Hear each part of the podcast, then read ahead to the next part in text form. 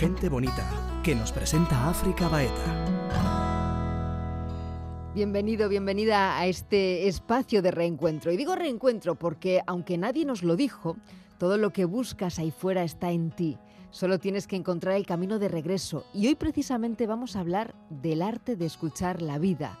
¿Qué ocurre cuando dejas atrás tus patrones, los mandatos del inconsciente y entras en contacto con tu esencia? ¿Cómo es la vida desde la verdad? Josep Solé nos habla sobre la espiritualidad y también nos enseña a conocer nuestros números, la numerología del ser para conocer nuestro propósito como almas.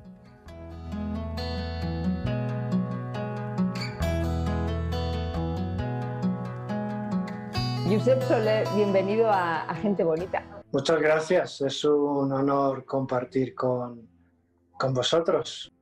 Hay tantas cosas que me gustaría hablar contigo, Josep, pero la primera que voy a, que voy a, lo primero que voy a preguntarte es quién eres, ¿no? ¿Quién es Yusef? Tenemos que distinguir entre el personaje y, y el ser del alma, ¿no? Pues mi vida, como, como cualquier persona, teniendo aventuras y desventuras en el colegio, en, en el instituto, en la universidad, me da por ser empresario muy temprano. Em, empiezo a tener un dolor de hombro que yo le califico de horrible, cuello y hombro horrible. Y esto me lleva a un despertar. ¿A un despertar qué quiere decir? Pues que de pronto no solo comprendo cómo estamos creando nuestra realidad y cómo participamos en la creación de eso que se ve como dolores físicos o enfermedades, quiere decir que co-creamos esto y podemos entrar en detalle. Pero también eso que aparentemente era un dolor crónico que iba a durar toda mi vida, realmente es una bendición, porque lo que hace es abrirme puertas. Las crisis personales, financieras, de familia, de pareja, físicas también, ¿no? En realidad yo estaba viviendo dos tipos de crisis, una de sentido, es decir, yo desde los 21, desde los 21 años era empresario, y me estaba complicando la vida. Ah, y, y, en esa complicación no tenía tanto sentido lo que estaba haciendo. Y por otra parte está la llamada, lo que yo considero una llamada intensa del cuerpo. El cuerpo me muestra que eso no va bien. Así que se junta una crisis de falta de sentido en mi vida con una crisis física. Y de pronto es como que todo se, se resuelve a la vez. Entonces, por eso, solo anunciar, bienvenidas las, las crisis, es la llamada para un despertar, es un impulso, un empuje para tu evolución. Es muy curioso, ¿no? Que cuando uno está dormido es la mente la que te habla y entonces vives completamente en una ficción. Pero el cuerpo siempre nos dice la verdad, hay que escucharlo siempre. En realidad mi cuerpo está reflejando lo que está en mi mente. Y para que se entienda bien lo que estoy diciendo y para darle un contexto que sea realmente útil, a mí me gusta usar la metáfora de las cinco muñecas rusas o de las matrioscas, las cinco muñequitas. Entonces, esas cinco muñequitas reflejan muy bien las dimensiones del ser humano, porque la más pequeñita, la que está en el centro, es el cuerpo físico, y alrededor del cuerpo físico está el cuerpo energético, y por encima del energético está el emocional, y por encima del emocional está el cuerpo mental, la parte de la mente que hablamos. Y más allá de eso aún está el cuerpo espiritual. Entonces, por lo menos, por lo menos, para todas las personas, los, aun los que no se consideren espirituales, pueden identificar con facilidad que está el físico, que está el energético, la energía que manejas, que está alrededor de ti, tus emociones y tu cuerpo mental, tus pensamientos. Y cuando hablamos de un sistema holístico, es decir, de poder cuidar el cuerpo humano, esta maravilla que hemos recibido, o sea, que es el templo del espíritu, o bueno, y si no crees en el espíritu, no importa, para cuidar este cuerpo, cuando hablamos de un sistema holístico hay que atender las cinco dimensiones y obviamente hay que atender el cuerpo físico y hay que ver cómo está tu energía y si te pregunto cómo estás también, cómo están tus emociones y qué pasa con tus pensamientos, con tus creencias, qué es lo que está ahí, qué es lo que está ahí, ¿no? ¿Cuáles son, cuáles son tu forma de ver la vida, tus lentes, tu percepción? Entonces, yendo a tu pregunta, ¿qué hace el cuerpo físico? El cuerpo, el que está en el centro, es un reflejo perfecto de los demás cuerpos, porque además tenemos un propósito, el cuerpo espiritual. Tu pregunta era, o es, ¿hay que hacer caso al cuerpo? Fíjate, lo estoy haciendo muy simple, sí, para que se entienda muy simple. Tú tienes un espejo en casa, ¿no? Entonces, la pregunta sería, ¿hay que hacerle caso a un espejo? Porque es que el cuerpo físico es un espejo preciso y perfecto de los demás cuerpos. Entonces, si tú te estás viendo en un espejo, tú verás si te haces caso o no, pero el espejo te está reflejando. ¿Existe la realidad? Es que todo es un espejo y todo es un juego de proyecciones, al fin y al cabo. Para hacer la respuesta más sencilla es, no existe la realidad, existe tu realidad. ¿Y qué es eso que llamamos tu realidad? Muy bien, del mundo de infinitas posibilidades, tu realidad es lo que tú eres capaz de ver. Entonces, normalmente lo que uno ve es una parte pequeñita de esa realidad que, que es el mundo de infinitas posibilidades. Entonces, no existe la realidad, existe lo que cada uno ve. Y fíjate qué interesante es, porque cuando dices que cuando hablamos de espejos, me preguntas por espejos. Si resulta que estamos en el mundo de infinitas posibilidades, eso quiere decir que está todo ahí, todo, todo, todas las posibilidades. Y la que yo veo, la que yo veo que es una, no entre una de diez, ni una de cien, ni una de un millón, no, no, es una entre infinitas. Si yo veo uno entre infinitos, es muy obvio que lo que yo veo me está reflejando a mí. Es decir, si yo ahí, ahí fuera veo eh, una persona que yo la denomino tóxica, por ejemplo, si de las infinitas posibilidades de las infinitas posibilidades, es decir, de todo lo que pueda significar a esta persona, yo la veo como tóxica, la pregunta es, ¿de quién habla la toxicidad de la persona o habla de mí? Si soy yo que elegí una entre ellas. Por tanto, estamos hablando de realidad, de lo que es realidad y de cómo me refleja lo que yo veo. Y solo un pasito más, porque si nos han seguido hasta aquí, nos pueden seguir un paso más. Cuando yo veo ahí fuera una persona tóxica, eso se convierte en real. Y esa es mi realidad, porque yo veo, nombro y creo. Entonces, eso es lo que yo percibo como realidad. Y para mí es real. Sin duda, es real. Y fíjate, atraemos, por ejemplo, en este caso concreto, ¿no? Has hablado de la persona tóxica, una persona que que tiene miedo a las personas tóxicas, ¿acaba atrayendo a personas tóxicas o es su forma de ver a esas personas? Muy bien, de pronto contigo se me ocurre hablar como otra vez de tres niveles. La persona normal, quiere decir normal, pues bueno, pues el que hasta ahora no ha, no ha visto más.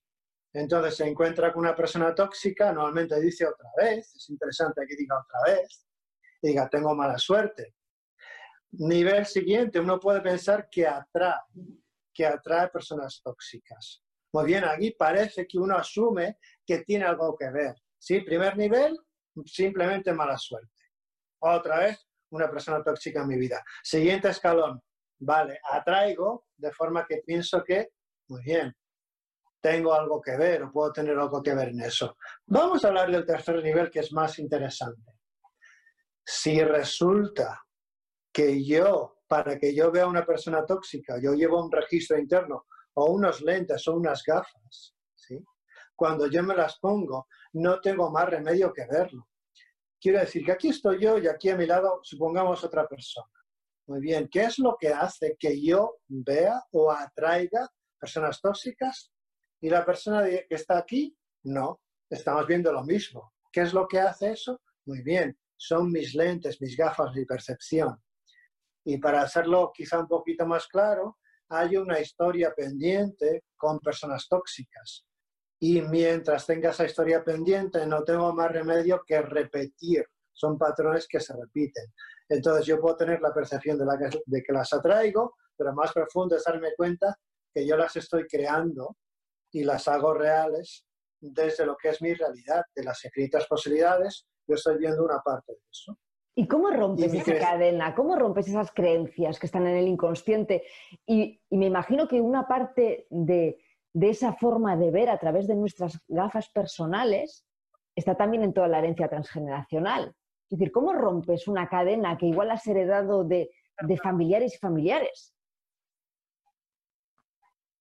Bueno, sonríe por lo, de, por lo de romper una cadena, que es otra cosa que piensa el ciudadano que está en el segundo nivel. Sí, una vez se da cuenta que, que está trayendo, lo quiere romper. Es lógico que uno quiera romper eso. Em, en realidad no se trata de romper, sino de despertar, que es allá donde vamos. ¿no? Yo tengo una idea, tengo una idea, una creencia, que esa persona es tóxica, pero estoy equivocado. Vivo en un error, no es cierto no es cierto. Y esa es la... Eh, en realidad estamos hablando no de romper, ni limpiar, ni sanar, no, no, estamos hablando de despertar. En mi mundo de posibilidades, yo estoy mirando hacia un lugar que lo llamo personas tóxicas y es porque yo llevo unos lentes. Cuando me doy cuenta que no es verdad, entonces los lentes caen y ya no tengo que romper nada. Entiendo muy bien esa idea de romper, porque uno se cree que es víctima de las personas tóxicas y antes de eso uno se cree que es víctima si creemos en la información que se transmite en el transgeneracional, que la epigenética nos lo está mostrando, nos lo está poniendo en la cara, ¿no? Si creemos que hay información transgeneracional, a mí me puede dar por pensar que yo no solo soy víctima de la persona tóxica, sino que soy víctima de una información del sistema transgeneracional. Muy bien, nos toca otra vez el tercer nivel, el tercer escalón. Cuando hablamos del cuerpo espiritual o de alma, a ver si yo, para las personas que, aún, que no crean en ello, no se relacionen bien con eso que llaman espíritu. Cuando dejamos este cuerpo, lo que llamamos muerte, pues hay algo que, continúa y hay mucha evidencia científica de eso de que cuando el cuerpo se, se diluye, cuando, muere, hay algo que permanece. Y no importa el nombre que le des a eso, entonces dale el nombre que quieras a, a, eso que permanece. Muy bien, eso que permanece una vez dejamos el cuerpo, lo que se llama la muerte física, también está antes de la concepción. Y defino la aventura del alma, la aventura del ser, el viaje, el viaje el tomar un cuerpo, un cuerpo humano, del viaje que se da desde antes de la concepción hasta después de la disolución, lo que se llama. ¿sí? Esa es tu esencia divina, la parte del espíritu. Muy bien. No importa el nombre que le demos a eso, está antes, antes de tomar el cuerpo, antes de ser concebido, y está después, permanece, trasciende a la muerte física. Y también hay mucha evidencia de eso, y en, y en los trabajos que hago y en los retiros y bueno, el campus que estamos a punto de hacer, vamos, vamos a experimentarlo, se experimenta, no es una idea, no es un concepto, se experimenta, que hay conciencia antes de la concepción. No estoy hablando antes del nacimiento, estoy hablando de antes de la concepción. Muy bien. Cuando tocamos esa dimensión de conciencia antes de la concepción, resulta que hay un alma, un ser, llámalo como quieras, que siente atracción por un determinado padre y madre, por un sistema familiar. Siente atracción. ¿sí? En, el libro de la medicina del alma, el primero que, escribimos, ahí decíamos que uno elige, que elige. ¿sí?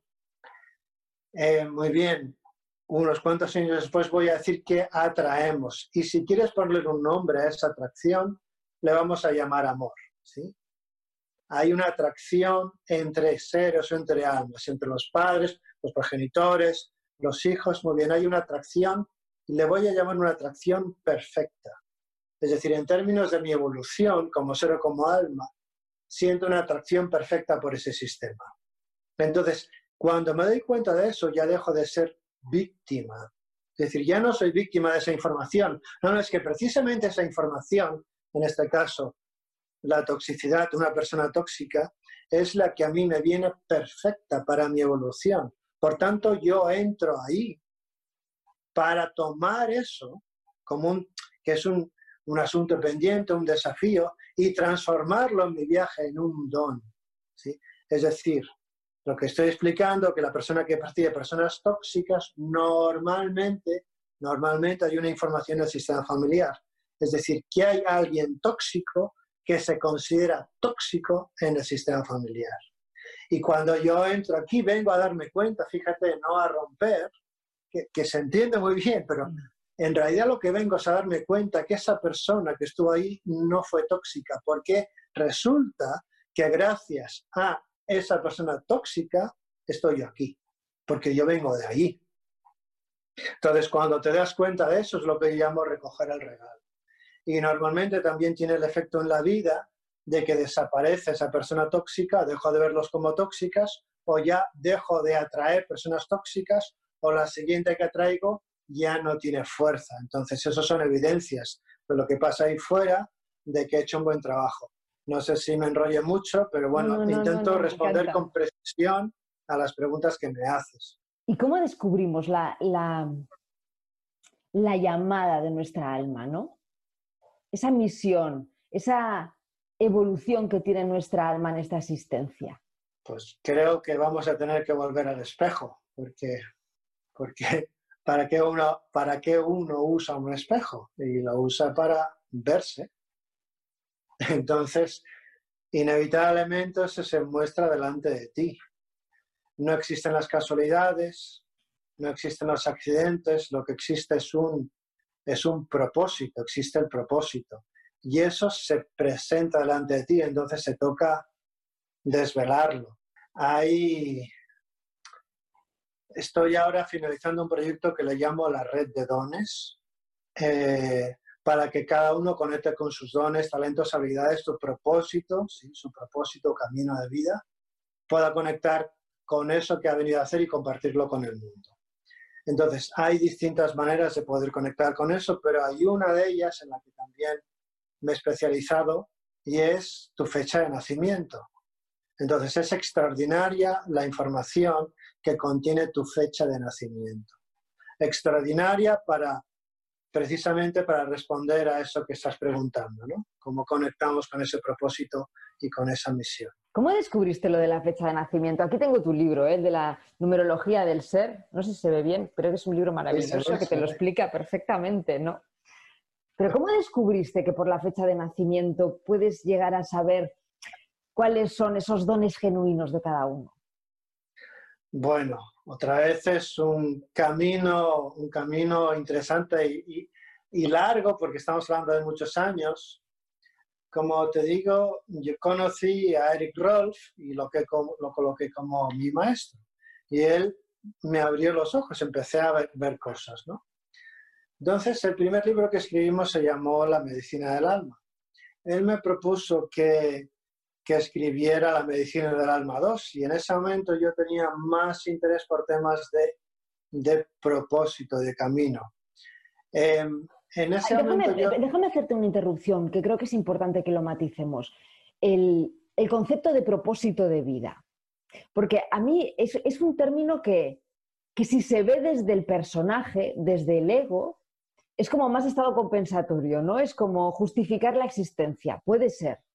Es decir, mi propósito es llegar a ser sanador o sanadora. Hablamos de un propósito del alma, que es muy distinto, ¿no? A un propósito del ego. Eh, vamos a mirarlo aún más amplio, ¿sí? Vamos a mirarnos como especie humana y como miembros de la especie humana, porque hemos elegido un cuerpo humano.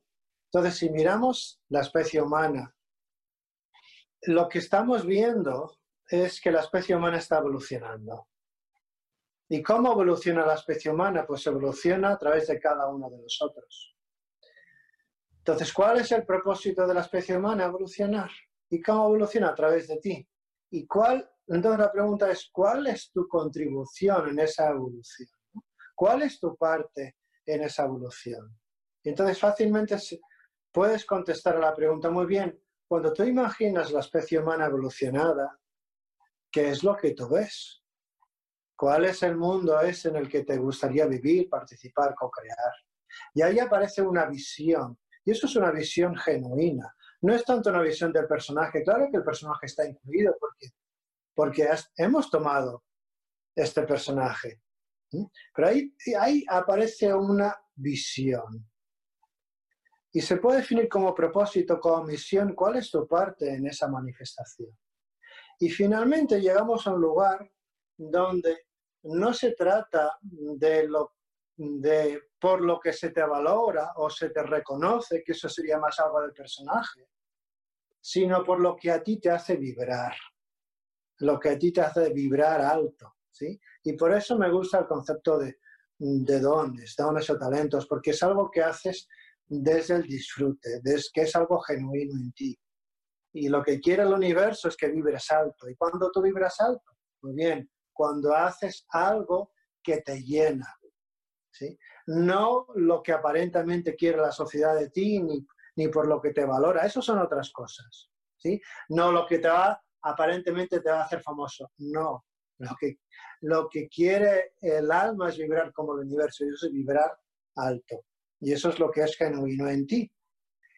Y algo que es muy útil para conectar con eso son, son, son tus números. Yo no sé cuáles son tus números, pero si quieres compartirlos, porque encontraríamos qué estás haciendo tú aquí, qué estás haciendo Me encantaría que me lo dijeras. claro, para que nos entiendan mejor. ¿Qué Mira, mis números. ¿Cuál es tu camino de vida? Yo nací el 27 de diciembre del 69. Muy bien, entonces, el 27 es un número 9, es el número de la sabiduría. Entonces, ese es el número del ser. De hecho, yo, tengo, yo también tengo ese mismo número, yo nací un 18, entonces ahí coincidimos en el número del ser. Tenemos la llamada a la sabiduría y a enseñarlo, a enseñarlo. Entonces, si sumamos todo junto, no sé de qué mes me has dicho. diciembre, diciembre. De diciembre, eso es un 3, 69, 3, un 1. Si, si lo estoy sumando bien, está sumando un 1 tu camino de vida. El 1 viene a explorar lo nuevo, ¿sí? Y el 1 es como alguien que, que sigue el impulso, que sigue su corazón. Y es alguien también, es un camino que la gente lo ve. Entonces, no estoy diciendo que te gusta llamar la atención, porque probablemente no, pero es inevitable que tú llames la atención. Ese es el 1, al 1 se le ve. Y cuando le añadimos a 9, es como, como si la vida lo que usa a través de ti es que se te vea para compartir sabiduría. Qué bonito. Eres tú. Otra vez, piensa en un espejo. Tus números son un espejo.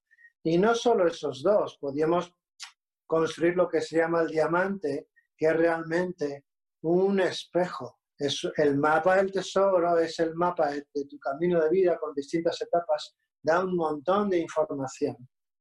Pero la vida te va guiando, ¿verdad, eh, Josep? Te va guiando, ¿no? A través de, creo que tú le llamas el, lenguaje también, ¿no? Del alma, a través de los símbolos. ¿Cómo, ¿Cómo escuchar ese lenguaje que va más allá de la razón? Pues en, el libro El lenguaje del alma enseño 10 vías de alineación. O sea, en realidad son 10 vías para conectar con el alma y una de ellas es le llamo el arte de decir que sí. Y cuando tú dices que la vida te guía, eh, estamos hablando no de la vida como algo que está ahí fuera, sino de la parte más sabia de ti. Entonces es como tú misma, tú mismo, como conectando con la parte más sabia de ti. Eso es lo que se puede llamar como guía, ¿sí? Y una clave para eso es decirle que sí es decir, decirle que sí a lo que se presenta en tu vida. Es decir, porque se pueden presentar muchas señales, señales agradables o desagradables, porque la crisis, otra vez, la crisis es una señal. Y se pueden presentar señales. ¿Se van a presentar? No es que se pueden, es que se presentan las señales. Entonces, uno, uno no puede evitar que se presenten las señales, porque las está creando en cierta forma las está creando y puedo explicar un poquito más cómo las crea. Pero lo que uno le toca es decirle que sí y seguirlas. Y cuando uno empieza a seguir las señales, eso que tú llamas que te guía, entra en lo que se puede llamar una espiral, lo que llamo una espiral de sincronías, que es como si una cosa te lleva a la otra. En el, libro que acabas de enseñar, el de la numerología del ser, aparece una espiral. Pues es como una espiral, como que una, casualidad o una sincronía te lleva a otra. Y tú dices que sí y, te entregas, te entregas. Claro, el personaje debe crear el espacio para que eso ocurra. Porque si el personaje está hasta aquí de cosas y no tiene un minuto de tiempo libre, entonces no puede permitirse eso. Está, bueno, en la Matrix, en el samsara, en el ratón dando vueltas al círculo, el interminable círculo de vidas y muertes, en fin. Entonces, es como sacar la cabeza y decir, muy bien, muy bien, ¿qué está pasando aquí? Y algo que otra vez es fascinante y que parece complicado, pero es muy sencillo, es mirar qué está pasando en tu vida como un espejo de ti. Es decir, lo que está pasando en eso, tu pregunta primera, ¿existe la realidad? Muy bien. Tú, uno mira ahí fuera y lo que ve ahí fuera, si, dentro, si está todo, todas las posibilidades están ahí y yo veo esto, muy bien, ese soy yo. Y entonces uno mira ahí y empieza a descubrirse, empieza a darse cuenta de cómo participa en esa creación. Entonces estamos hablando de un despertar. Y cuando uno empieza a mirar, dice, muy bien, digo, esto que aparenta muy loco empieza a volverse sencillo, pero claro, es un proceso de crecimiento a veces extraordinario, a veces dramático también, porque, bueno, es, es como unos los patrones y las inercias y las repeticiones, y bueno, y cómo, cómo salir de ahí. Entonces, pero en esta vida vamos a, sales, Quiero decir, los patrones siempre están ahí, ¿no? O sea, ya los identificas y sabes que van contigo, pero los puedes mirar, pero no se desenganchan de ti, ¿no? Siempre están ahí. Aunque quizá le hagamos menos caso, digamos, ya, ya, sé que estás por ahí, ya sé que eres mi patrón, ya. Em, vamos a explicarlo quizá en términos de conexiones neuronales para otro sector de público que no se entienda. ¿Qué es un patrón? Pues una serie de conexiones neuronales que se conectan juntas y que están muy fuertes, muy fuertes, que son muy estables. En términos de conexiones neuronales, son muy estables. ¿Qué quiere decir? Es como si fuera una autopista. Es como si todo, todos los carriles, todos los laterales nos llevan a la misma autopista. Entonces, si yo, por ejemplo, eh, me siento poco reconocido, falta de reconocimiento con falta de valor, da igual lo que pasa ahí fuera, llega una información y ¿qué hago yo? Lo meto en la autopista. ¿Cuál es la autopista? La falta de reconocimiento. Muy bien. ¿Qué pasa? Que de pronto me doy cuenta de que no es verdad, de que soy un ser de luz, un hijo de Dios, es decir, y puedo llegar a lo que yo llamo el acontecimiento semilla y darme cuenta cómo he construido eso. Y en ese momento es como que se abre una puerta, se hace la luz. Y sigue estando la autopista, que es lo que tú decías, pero de pronto se abre un camino nuevo. y en realidad es un atajo. Y es mucho más bonito.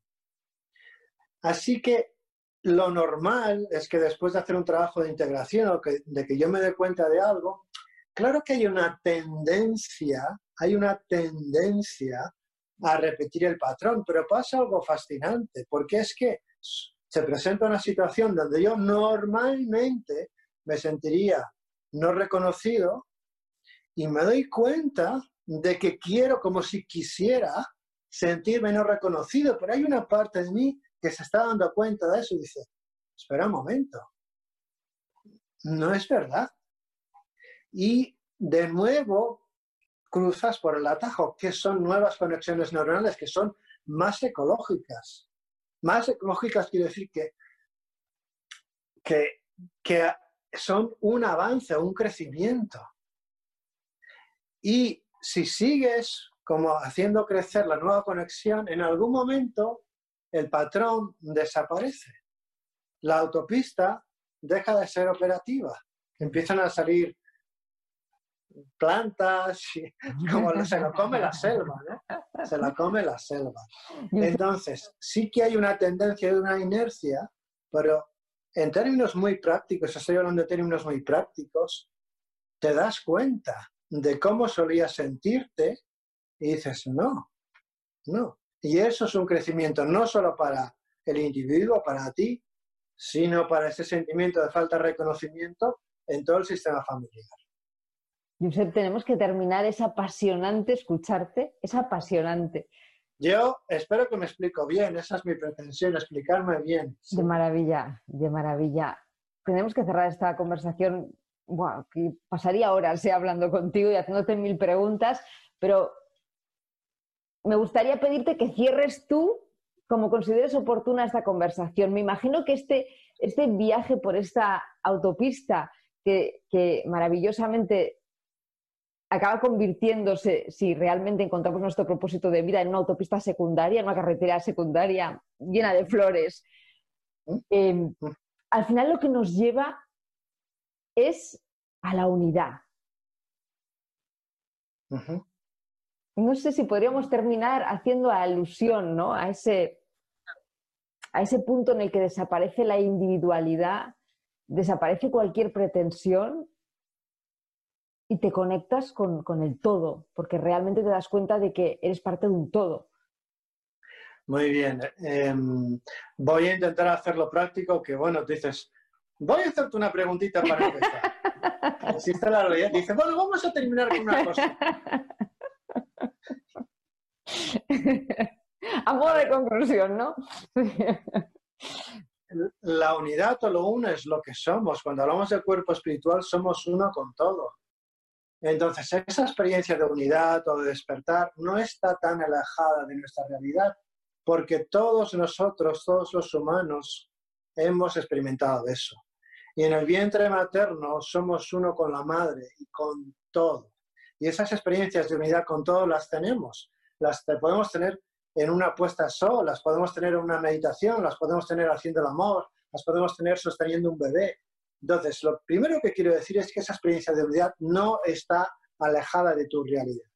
Solo te corresponde reconocerla. Y cuanto más la reconoces, otra vez, más se abren las conexiones neuronales para poder establecerte en eso. Entonces, esa conciencia de unidad, esa no separación, no distinción entre tú y yo y entre todo lo que toco, que de pronto todo lo que toco soy yo también, muy bien, eso es esa conciencia de unidad. No es tan sencillo de reconocer para el ciudadano normal, pero le estoy dando también la capacidad de hacerlo.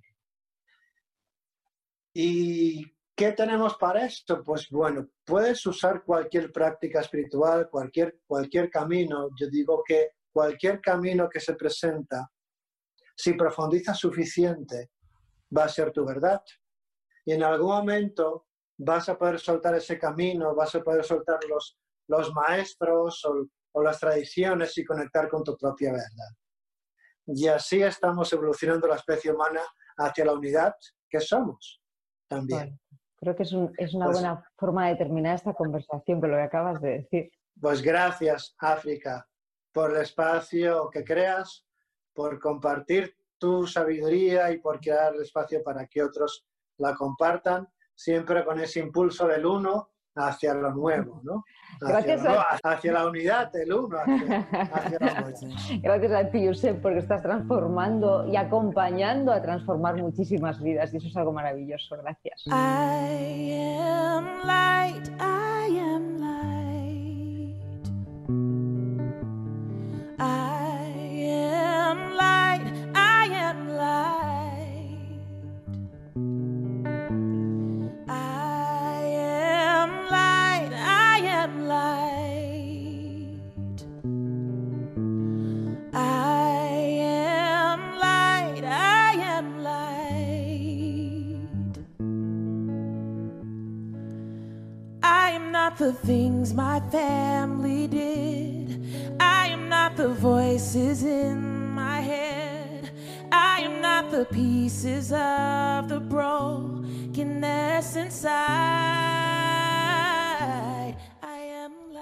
Te invito a seguir profundizando o escuchando más conversaciones a través de nuestro canal de YouTube Gente Bonita o en ITV Podcast. I'm not the mistakes that I have made or any of the things that cause me pain. I am not the pieces of the dreams I left behind.